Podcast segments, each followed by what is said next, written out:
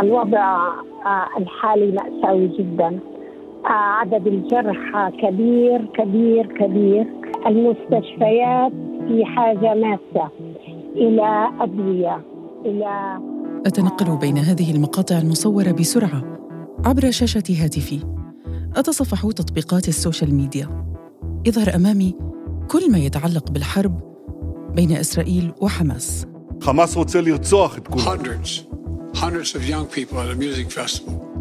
كايلي جينر أعادت نشر صورة تدعم إسرائيل على حسابها على منصة إنستغرام وبدقائق تخسر مليون متابع لتقوم بحذفها مباشرة.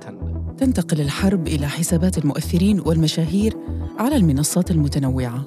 أما ممثلة هوليوود جيمي كيرتس تنشر صورة حرب ودمار من غزة معتقدة أنها من إسرائيل. بعد تبينها الأمر تحذفها. وتشتد الحرب الكلامية بين المتابعين من مؤيدي الطرفين. بينما الشهير جورج كلوني يقف على الحياد مبررا أن زوجته لبنانية.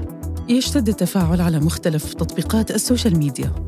وبعد أيام من بدء الحرب يرسل الاتحاد الأوروبي تحذير شديد اللهجة لإيلون ماسك مالك شركة إكس تويتر سابقاً ولشركات تكنولوجية أخرى من مواجهة عقوبات قانونية في حال لم يتم حذف أي محتوى يعتبر مؤيد لحماس ومضلل بحسب الرسالة صار المجابهة لهذه الدرجة وبالتالي صار في مجابهة كبيرة على مستوى آه، رفيع من آه، من الدول بهذا الموضوع هل كل ما نشاهده على ال timeline أو على صفحات مواقع التواصل الاجتماعي تتحكم به الخوارزميات أو الكود الأساسي لهذه المنصات؟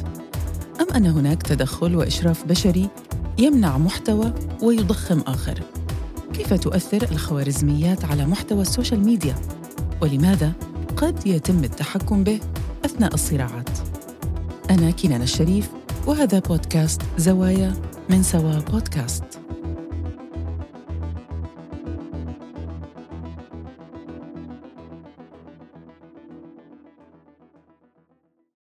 ضيف اليوم أنس المرعي المدير التنفيذي لشركة لإدارة حسابات على ال social media في دبي يخبرني كيف تحدد لنا الخوارزميات المحتوى؟ ولماذا يتم التحكم بالخوارزميات أثناء الصراعات والأزمات؟ الخوارزميات هي تقنية آه، تمتلكها منصات ال social media. آه، هاي الخوارزميات هي التكنولوجيا اللي بتحدد لنا لكل مستخدم شو بده يشوف محتوى أمامه على ال timeline يعني أنا بفتح فيسبوك شو بدي أشوف في محتوى من الأصدقاء وغيره ومن الشركات ومن المؤسسات اللي أنا متابع لها وفي خيار أيضا إنه تسمحي لأشياء من خارج هاي الدائرة. صار اليوم يطلع عنا اقتراح أو suggestion إذا إذا انتبهتي آه، سواء بالإنستغرام أو آه، بالفيسبوك. اذا هالخوارزميات بتحدد لنا المحتوى اللي بده يظهر عنا على حساباتنا. بما أن الخوارزميات أنس هي المتحكمة بما نشاهد أو يظهر لنا في تطبيقات التواصل الاجتماعي كيف بتتحكم بالأشياء اللي منشوفها؟ الخوارزمية آه، شيء مميز مثل مثل بصمة الإنسان يعني كل واحد فينا عنده خوارزمية خاصة فيه صناعتها صنعها الذكاء الاصطناعي والعلم البيانات والتكنولوجيا المتقدمة اللي موجودة عند هاي المنصات. بناء على استخدام المستخدم واستهلاكه للمحتوى وعوامل أخرى مثل كمية الوقت اللي أنت تقضيه على هاي المنصات والتطبيقات كمية الوقت اللي بتقضيه على المنشور نفسه أو الفيديو نفسه. كل محتوى موجود على المنصات يتبع لباب آه، معين أو نوع معين من المحتوى. كل ما زاد تفاعلك مع هذا النوع من المحتوى بيزيد آه، ظهور محتوى مشابه له. يعني الخوارزميات عم تفهمنا وتقدر تقرأ أفكارنا؟ التحدي أمام كل مستخدمي ال social media سواء كان صانع المحتوى أو مستهلك المحتوى إنه الخوارزمية لكل شخص فينا تختلف عن الأخرى ويمكن هاي معلومة جديدة قد يسمعها الكثير لأول مرة. طيب هل فقط الخوارزميات اللي بتستطيع التحكم بالمحتوى ولا التفاعل؟ أو ما يسمى بالأدمن اللي هو بيدير آه، بعض الصفحات والمواقع؟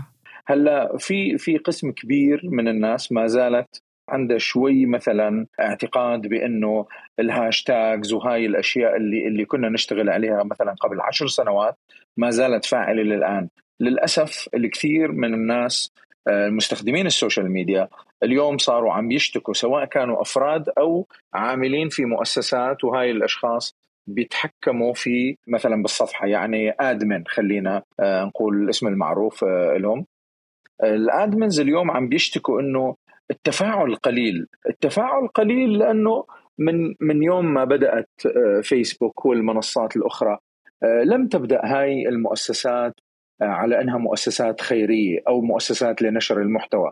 هي بدأت مؤسسات ربحية من أول يوم ولكن نسبة الربح اختلفت مع الوقت. فمثلا نسبة الوصول الطبيعي اللي هو إنه أنا أنشر صورة أو أنشر فيديو أو غرد أي نوع من أنواع المحتوى. قبل 20 سنة كان أو قبل 15 سنة خلينا نقول كان نسبة الوصول للناس اللي عندي واللي عاملين لي متابعة سواء أصدقاء أو متابعة كانت نسبة عالية ولكن مع الوقت نزلت وكادت أن توصل للصفر. يعني أنا خليني أقول هي صفر بس على استحياء المنصات بتستحي تقول لك إنه نسبة الأورجانيك ريتش اللي هو نسبة الوصول الطبيعي آه للمتابعين إنها صفر. طيب ليش عم بيصير هذا الكلام؟ السبب واضح لأنه في فلوس في في النص. يعني نسبة الأرباح تتحكم بالخوارزميات يعني بالمحتوى. طيب بالنسبة للإجراءات اللي طالب فيها الاتحاد الأوروبي جميع المنصات سابقاً والآن الموضوع أصبح أكثر حدة بما يخص الحرب الدائرة في غزة مع إسرائيل هل لم يعد أي اعتبار للربح المادي؟ أم الموضوع صار أيديولوجي؟ هو دائما كل ما بيصير صراع سياسي عسكري ديني على السريع الناس وين وين بتتجه لل social media. اليوم آه، في في آخر 20 سنة أو 30 سنة من من العالم اللي اللي بنعيشه خلينا نقول تغيرت مفاهيم الحرب. صار آه، آه، طبعا زمان كان في حرب على الأرض وحرب إعلامية. كانت الراديو وكانت وكان التلفزيون وكان الصحف. اليوم توسع الموضوع وصار معقد مليون مرة أكثر من السابق بسبب بسيط أنه أصبح للجميع social media وبالتالي صار الموضوع ال control عليه والتحكم فيه صعب جدا ومعقد آه، لأبعد الحدود. فاليوم الحرب حرب إلكترونية اليوم حرب أمنية إلكترونية قبل أن تكون حرب إعلامية وقبل أن تكون حرب على الأرض.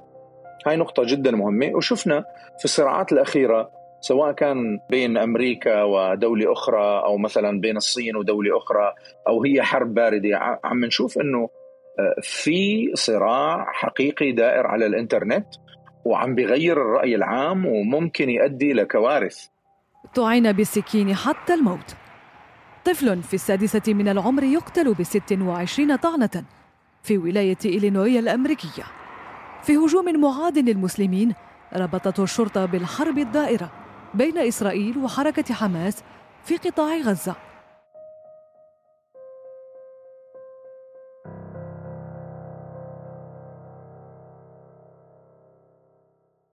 تضليل المعلومات المشاركة على هاي المنصات أدى لجرائم كراهية وشاهدنا كيف تم طعن الطفل الفلسطيني وديع الفيومي حتى الموت ووالدته أيضا تم طعنها في شيكاغو بالسادس عشر من أكتوبر للعام الجاري.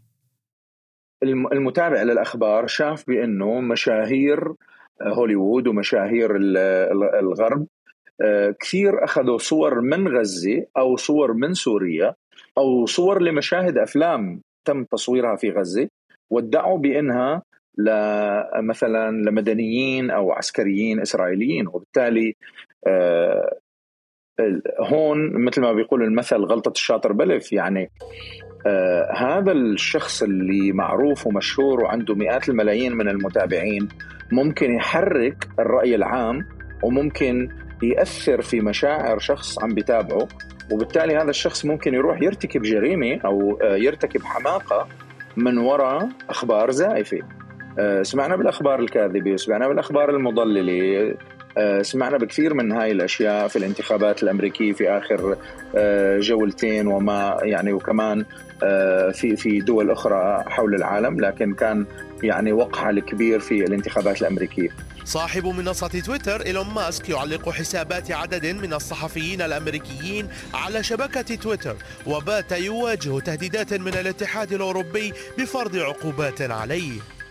بمرحلة سياسية أو أمنية حرجة مثل ما بيصير هلأ بالحملة العسكرية بغزة واللي بدأت بهجوم حماس على إسرائيل.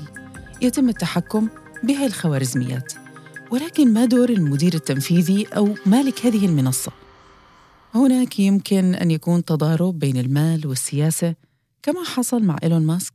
أنا شخص مختص بالتكنولوجيا وليس يعني مثلا محلل سياسي أو شيء. لكن ما فينا نفصل الموضوع ما فينا نفصل الموضوع ما فينا ما فينا نصير مثل النعامه نغط راسنا بالتراب ونقول إنه والله أنا ما لي دخل أنا ما عم شوف. هلأ الناس أنا بشوفهم منقسمه قسمين فريقين. الفريق الأول بيحكي لك يس نعم السياسي لها دخل و الرأي الشخصي للرئيس التنفيذي لأي منصة من هاي المنصات وكما يعني مثل ما حكى لك إيلون ماسك يعني بكل وضوح وكتب على تويتر بتغريده على إكس عفوا كتب وقال إنه أنا بدعم إنه الناس كلها تشترك وتحكي مثل ما بدها. بينما فيسبوك قال لك لا نحن ضد الجانب الفلسطيني. وصارت الناس عم تشكي اليوم يعني صار لي يومين تقريبا أو ثلاث أيام عم شوف إنه يا جماعة أنا عم حاول شوف ريل عن محتوى فلسطيني ما عم بيطلع عندي. آه عم بيطلع لي محتوى ثاني بكبس مرة ومرتين وثلاثة ما عم بيطلع. في ناس بتقول لك آه نسبة الوصول عندي صارت آه صفر. أحيانا ممكن هي تكون صدفة واحيانا هي ممكن تكون حقيقة. وشافت الناس بمجرد استخدامك لكلمات معينة ليس فقط في الجانب السياسي وفي جوانب أخرى عديدة صار عليها جدل كبير. بلحظة ما وبحسب مجريات الواقع. نجد أن هذه المنصات تملي علينا ما تريد أن نصدقه حتى الجانب المالي الذي يعتبر المحرك الأساسي يلغى وجوده. بس بالوضع الحالي بغزة تغيرت مفاهيمنا تماما حول حرية الرأي وانه كل مستخدم عنده هامش واسع من الحرية للتعبير عن الرأي. الصراع اللي في غزة المرة الماضية كان كان الناس عم بتقول إنه آه، باللحظة اللي أنا بكتب فيها عن من هذا الصراع وأبدي رأيي آه، فورا بيصير عندي شيء بالحساب سواء من منع أو آه، نزول المشاهدات إلى آخره. يعني فيسبوك لها لها باع بهذا الموضوع. يعني الموضوع ما عاد موضوع شركات وبزنس وتكنولوجيا وخدمة بشرية الموضوع صار مصالح دول عظمى تصطدم ب يعني أشد أنواع الاصطدام مقابل إنه بدنا نستحوذ على هذا التطبيق، هذا التطبيق بده يكون عندنا آه، سيرفراتنا نحن مثل ما عملت كمان أوروبا بفيسبوك قالت آه، لميتا إنه نحن بدنا خوادمنا سيرفرات اللي هي اللي بتحوي المعلومات تكون ضمن منطقة الاتحاد الأوروبي وبالتالي قانون الاتحاد الأوروبي هو اللي بيتحكم في وين تروح هاي المعلومات ولمين تنتشر. ودائما بنسمع بمخالفات بالمليارات لهي المنصات سواء جوجل أو ميتا وغيرها. هاي المخالفات بالمليارات هي على الأغلب لها علاقة بنشر خلينا نقول أو مشاركة المعلومات الحساسة عن الأشخاص سواء كانت آه، اسمي وايميلي ورقم موبايلي اللي هي آه، أهم ما يحتاجه المسوقين والشركات المسوقة حول العالم. الموضوع معقد، الموضوع اقتصادي كبير جدا له أثر اقتصادي عم بيحرك اقتصاد الدول. الاقتصاد والسياسة والحرب ثلاثية ترمي بثقلها على حرية الشعوب سواء في الواقع أو في العالم الافتراضي الذي كان قبل سنوات هامشا لحرية التعبير عن معاناة الشعوب دون قيود أو تهديدات أمنية أو سبب لنشر الكراهية. كان هذا بودكاست زوايا من سوا بودكاست من كتابة وإعداد كنان الشريف. شارك في الإعداد عبد العالي الزهار وأنا كنان الشريف. إذا أعجبكم ما نقدمه رجاء تقييم الحلقات على منصات الاستماع للبودكاست وأرسلوا لنا تعليقاتكم واقتراحاتكم على منصات التواصل الاجتماعي. إلى اللقاء في موضوع جديد في بودكاست زوايا.